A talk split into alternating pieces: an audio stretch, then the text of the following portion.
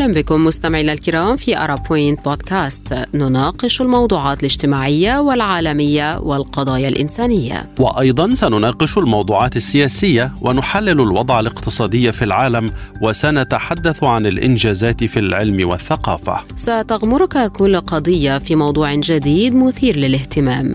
في الاستوديو معكم خالد عبد الجبار ونوران عطله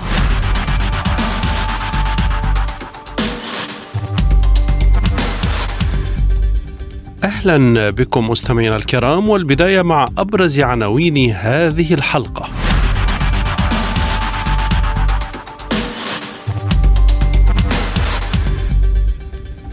جمال مبارك يثير الرأي العام في مصر بفيديو بعد براءة والده.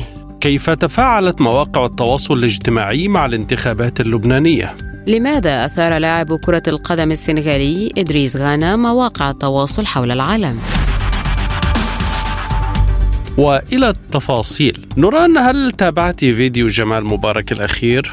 أكيد وأيضا كل الشعب المصري تابعه. لأن هذا الظهور المفاجئ خالد يعني لجمال مبارك نجل الرئيس المصري الأسبق حسني مبارك أثار الرأي العام المصري. كما أثار ردود فعل متباينة أبرزتها مواقع التواصل الاجتماعي عبر هاشتاج حمل اسم جمال مبارك. الحقيقة نوران آه، هو مقطع فيديو مدته تزيد على عشرين دقيقة تحدث فيه جمال مبارك باللغتين العربية والإنجليزية وكانت مناسبته كما قال هو انقضاء الدعاوى القضائية المتعلقة بفساد أسرته والحصول على أموال بطرق غير قانونية والتي رفعت ضد مبارك الأب والابن وبقية أفراد العائلة خارج مصر. لابد أن نذكر هنا خالد أيضا حتى يكون المشاهد معنا في الصورة. أن النيابة السويسرية كانت قد أغلقت الأسبوع الماضي تحقيقا في مصدر أموال تعود للعائلة لعدم وجود دليل كاف على تهمة غسيل الأموال التي وجهت ضد أسرة مبارك وأشخاص محسوبين على نظامه. كما أفرجت عن 400 مليون فرنك سويسري بعد الإفراج عن 200 مليون آخرين قبلها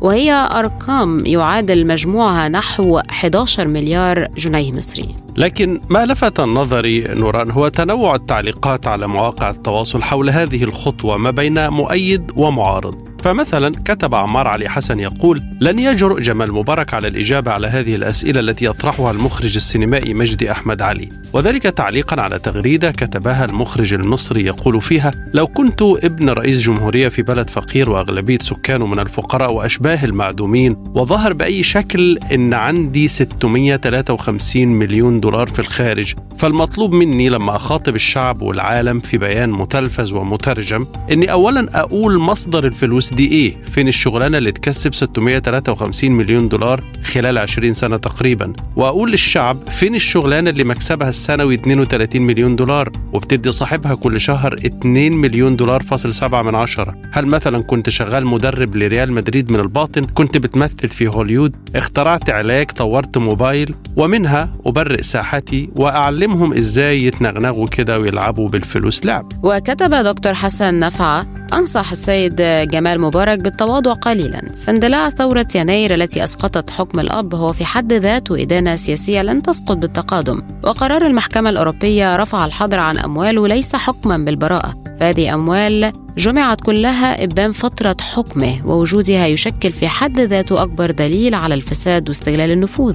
وفي المقابل كتب هيثم خضر يقول في تغريدة له عيب بقى ولموا نفسكم ودعوا آل مبارك في شأنهم. ومن موقعي هذا حتى لو مشيت لوحدي في الطريق رحم الله الرئيس والزعيم الراحل محمد حسني مبارك رئيس مصر وعزيزها وخالص دعواتي للأسرة الكريمة الفاضلة وعلى رأسهم السيدة سوزان مبارك والسيد جمال مبارك والسيد علاء مبارك. ردت شريهان بتغريدة تقول فيها اطمن أستاذ هيثم مش هتصير لوحدك في الطريق. إحنا مع حضرتك ومواصلين دفاعنا عن رئيس وبطل عظيم اسمه محمد حسني مبارك عزيز مصر. وهنفضل النهاية ندعم المحترمين ولاد الأصول علاء وجمال مبارك. ربنا يحفظهم ويبارك فيهم وفي ماما سوزان مبارك. اللهم آمين. وكتب أحد المغردين ساخرا ده لو التاريخ واخد رشوة مش هينصف حسني مبارك بالشكل ده. والدي العزيز لم يمهلك القدر لتشهد نهاية جميع الإجراءات القانونية التي تم اتخاذها ضدك منذ عام 2011 بما في ذلك الإجراءات ذات الصلة التي اعتمدها مجلس الاتحاد الأوروبي. ولقد أكدت لك خلال أيامك الأخيرة أنني سوف أستمر على الطريق لتحقيق تبرئة لا لبس فيها لك ولأسرتنا. لقد وعدتك بمواصلة الطريق بتصميم لا يلين لتحقيق هذه التبرئة في ساحة القضاء الدولي. وبعد معركة طويلة وشاقة على مدار أكثر من عشر سنوات صدرت أحكام وقرارات متتالية باسمك وباسم أسرتنا من قبل أعلى السلطات القضائية في الاتحاد الأوروبي وخارجه لتبرئنا وبشكل قاطع. طوال هذه المعركة وحتى في أحلك أوقاتها كنت أنت دائما على ثقة رغم كل الصعاب بأننا سننتصر في النهاية حتى ولو بعد رحيلك. ولقد رحلت عنا يا أبي ولكننا بالفعل انتصرنا وفي ساحة القضاء. لقد كانت هذه هي معركتك الأخيرة خلال تاريخ حافل بالمعارك والصعاب. معركة واصلتها نيابة عنك. معركة واجهتها أنت بصبر وببسالة بعد أن أفنيت عمرك في خدمة الوطن محاربا من أجله ومدافعا عن مصالحه. لترقد يا أبي في سلام ويتغمدك الله برحمته. اشتعلت مواقع التواصل في لبنان على مدى هذا الأسبوع بحدث مهم وهو الانتخابات النيابية اللبنانية التي اهتم رواد مواقع التواصل الاجتماعي بتوثيقها ورصد وقائعها يوما بيوم. وككل انتخابات في أي مكان في الدنيا نوران تبادل الناخبون اللبنانيون الاتهامات حول مسؤولية التيارات المنافسة عن الانهيار الاقتصادي غير المسبوق والانقسام السياسي في البلاد، في حين دعا أعضاء في تيار المستقبل إلى مقاطعة الانتخابات في مقابل دعوات مضادة بضروره المشاركة في التصويت من أنصار حزب الله والتيار الوطني الحر والقوات اللبنانية والكتائب إضافة إلى حركة أمل وأحزاب أخرى. نعم يا خالد هذا صحيح غير مستغرب على أي انتخابات هذا الجو من تبادل اتهامات. لكن لبنان تنفرد من بين دول العالم بالنفس الطائفي والحزبي فعقب انتهاء التصويت تتابعت التغريدات المعبرة عن هذا الانقسام اللبناني. فكتب عبد الملك العجري مثلا يقول عن أبرز الرابحين في الانتخابات اللبنانية الرابح الأول المقاومة وهذا لا يحتاج لتفسير. والثاني العنيه بإحباطهم أشرس حملة دولية وإقليمية بقصد تصفيتهم سياسيا ومعنويا. والثالث الحريري بتفضيل الانسحاب على المشاركة ليثبت للعالم أن المال وحده لا يصنع السياسة.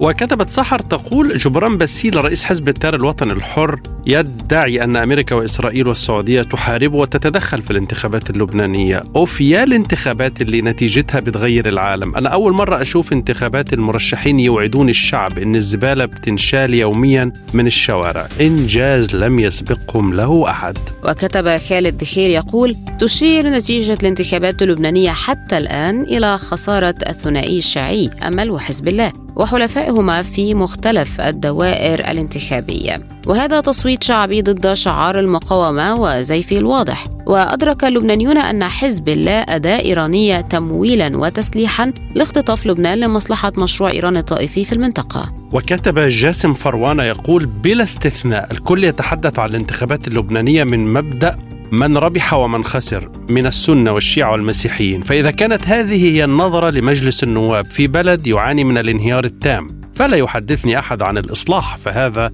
آخر همهم. وكتب ياسر الزعترة الخاسر الأكبر في الانتخابات اللبنانية هو الحريري الذي ظن أن الأرض ستتوقف عن الدوران بخطوة مقاطعته. مسكين أورثه أبوه تركة ثقيلة لم يكن قادرا على حملها. ولم يكن بوسع مرجعيته العربية أن تجبر ضعفه. تيه السنة سيتواصل عمليا وهو جزء من البؤس غير المسبوق للوضع العربي الرسمي. وكتب مشرف الزامل مؤيدا لموقف سعد الحريري المقاطع للانتخابات يقول تزوير الدخول مع المقترعين والتأثير عليهم ضرب واعتداء على مؤيدين المرشحين المنافسين. أي انتخابات؟ لبنان محتل من عصابات. عرفتوا ليش سعد الحريري مقاطع الانتخابات؟ لأنه لا وجود لانتخابات حقيقية ولا وجود للدولة. وكتب حساب باسم ابن طرابلس. مع احترامي لكم إنه بدكم تقاطعوا. أوكي قاطع. حر أنت بس ما يعني لازم العالم كلها تقاطع. وخصوصا الطائفة السنية يعني لازم خلاص تقاطع. ده أنا كسني كل ما هناك حزب الله ومشروع إيراني بالبلد هشارك بالانتخابات لإسقاط الاحتلال الإيراني. لكن نوران بعد كل هذه التغريدات لم نعرف ما هي نتيجة الانتخابات. لا خالد نشرت تغريدة الكاتب عبد الخالق عبد الله صورة توضيحية أو جرافيك للنتيجة وهي كالتالي حزب الله وحلفائه وحركة أمل والتيار الوطني الحر وأطراف أخرى حصلوا على 61 مقعدا إلى 62 مقعدا. وحصلت المعارضة التقليدية التي هي حزب الكتائب والقوات والتقدم الاشتراكي وأطراف أخرى على 53 إلى 54 مقعد. وحصل المستقلون الذين هم مرشحون إصلاحيون منبثقون من المظاهرات الاحتجاجية التي اندلعت ضد الحكومة عام 2019 على 13 مقعد.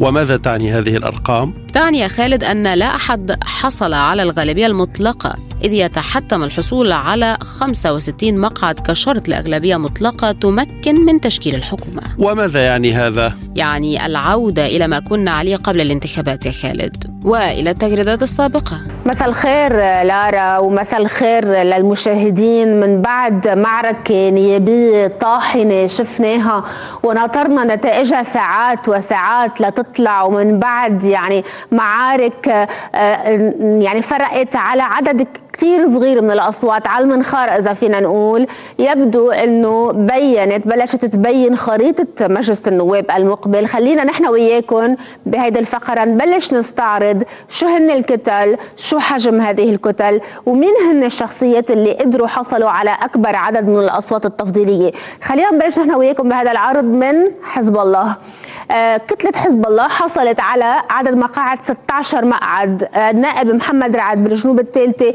هو اللي حصل على أكثر آه، أصوات تفضيلية بلغ 48500 صوت تفضيلي يليها النائب حسن فضل الله أيضا بالجنوب الثالثة من بعد حزب الله حركة أمل.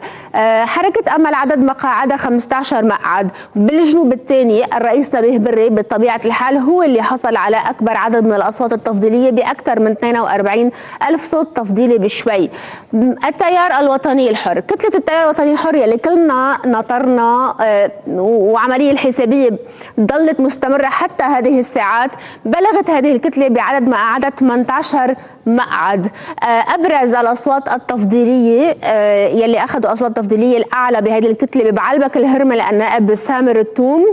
بالشمال الأولى النائب محمد يحيى وبجبيل كسروين النائبة ندى البستاني بأكثر من 11 ألف آه، صوت تفضيلي بشوي. من التيار الوطني الحر ننتقل إلى حزب الطاشناق اللي أخذ ثلاث مقاعد هن ببيروت الأولى زحلة والمتن. بالمتن النائب أغوب بقرادونيان يلي هو أمين عام حزب الطاشناق كاد أن يخسر مقعده مقابل فوز جاد غصن إلا أن اللحظات الأخيرة حسمت لمصلحة النائب أغوب بقرادونيان بأربعة أقل من 5000 صوت تفضيلي بشوي. آه تيار المردة حصل على مقعدين بشمال الثالثة توني فرنجية بأقل من 9000 صوت تفضيلي بشوي. والمفاجأة الكبرى كانت بالشمال الثالثة أيضا بشر بنجل جبران طوق بما يمثل هذا المقعد من رمزية خاصة خصوصا وأنه بعرين القوات اللبنانية. حزب الاتحاد عدد المقاعد مقعد واحد بالبقاع الغربي للنائب حسن مراد بأقل من عشرة أكثر من 9000 صوت تفضيلي بشوي. جمعية المشاريع عدد مقاعدها مقعدين بيروت الثانية والشمال الثانية عدنان طرابلسي وطه ناجي اثنيناتهم بيشبهوا بعض فرق ألف صوت تفضيلي فقط. ونختتم هذه الحلقة بتصدر اسم نجم المنتخب السنغالي ونادي باريس سان جيرمان الفرنسي إدريس غانا مواقع التواصل الاجتماعي في العالم العربي والعالم أجمع. أه، فقد غاب غانا عن مباراة فريق باريس سان جيرمان الأخيرة أمام مونبلييه وذلك بسبب رفض ارتداء قميص يحمل ألوان علم المثلية الجنسية الذي يسمى علم ال rainbow أو علم قوس قزح وذلك بسبب معتقدات دينية يا خالد. وبرر الأرجنتيني ماوريسيو بوكيتينو مدرب باريس سان جيرمان غياب نجم خط الوسط عن المباراة لأسباب شخصية. وبحسب وسائل إعلام فرنسية فقد أرسل مجلس الأخلاقيات في الاتحاد الفرنسي رسالة إلى إدريس يحثه فيها على توضيح سبب غيابه عن مباراة السبت الماضي. الغريب كان في رد فعل الداخل الفرنسي خالد. فقد كتبت فاليري بكريس المرشحة المحافظة في الانتخابات الفرنسية التي أجريت الشهر الماضي تنتقد تصرف إدريس في تغريدة لها قائلة إن لاعبي كرة القدم ولاعبي باريس سان جيرمان على وجه الخصوص هم أعلام بالنسبة لشبابنا. ورفض إدريس جانا الانضمام إلى تلك المباراة جريمة. لا يمكن أن يبقى رهاب المثلية بدون عقاب. ليس ذلك فحسب نوران بل طالبت تغريدات أخرى بطرده من النادي الفرنسي معتبرين أنه يتلقى أجرا لا يستحقه كما دعا مغردون إدريس غانا للاعتذار. لكن في المقابل دشن المدونون العرب هاشتاج حمل اسم اللاعب السنغالي دعما له وهاشتاج آخر حمل عنوان كلنا إدريس غانا. فكتب أسامة الحيدري يقول حينما يتعلق الأمر بمبادئنا التي لا تتجزأ والمساس بها فلا بد لصوت الحق أن يعلو وللمواقف أن تظهر. وما فعله إدريس جانا يعبر عن موقفنا جميعا وهذا ما أكده أبو تريكة مسبقا عندما قال احترموا مبادئنا وعقيدتنا وكتب حساب باسم مختلف. ولا تنسوا بأن باريس سان جيرمان مملوك لقطر. لا تنتقد الغرب وحدهم بينما مالك باريس عرب مسلمون وهم منغمسون في هذا الدعم المشين للشذوذ. الغريب نوران أن الداخل الفرنسي لم يكن كله ضد إدريس جانا فقد تضامن عدد كبير من الناشطين في فرنسا وفي عدد من الدول الغربية مع إدريس فكتب حساب باسم جوناثان يقول لا يهمني أمر المثلية هم أحرار في أجسادهم ولا يجب إجبار شخص ما على ارتداء ملابس لدعم قضية ما في الواقع لدينا الحق في أن نكون محايدين. فرنسا دولة الحرية وليست دولة فرض الآراء.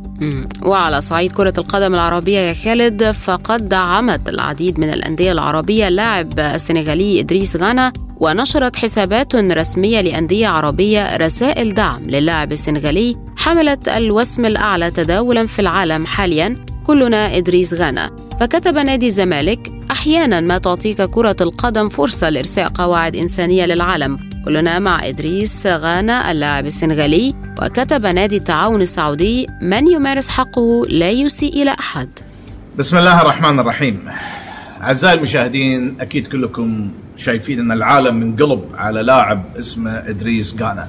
طبعا أنتم عبالكم إن أنا بسوي الحلقة هني. لا يا حبيبي. لا يا حبيبي في أول تعليق مثبت هذه حلقة يعني أرجوكم أرجوكم الحلقة تنشرونها على أوسع نطاق. أول تعليق مثبت راح ينقلك إلى قناة المجتمع في التليجرام. أرجوك أخي العزيز إنكم تشتركون في القناة. إحنا ودي إن العدد يزيد. ودنا إن العدد يزيد لأن إن شاء الله راح ننزل فيديوهات قوية. لأن قلت لكم الواحد لابد إنه يعلن الحرب. فأرجوك اضغط على الرابط راح ينقلك إلى قناة التليجرام. شوف المقطع وانشر المقطع على أوسع نطاق.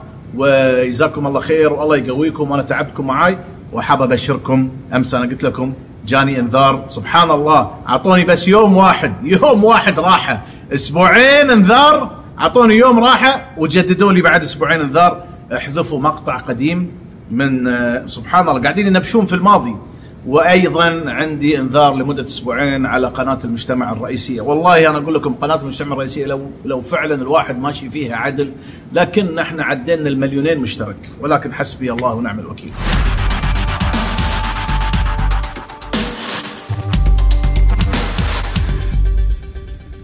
كان معكم أرا بوينت بودكاست اشترك اعمل like واكتب تعليقك.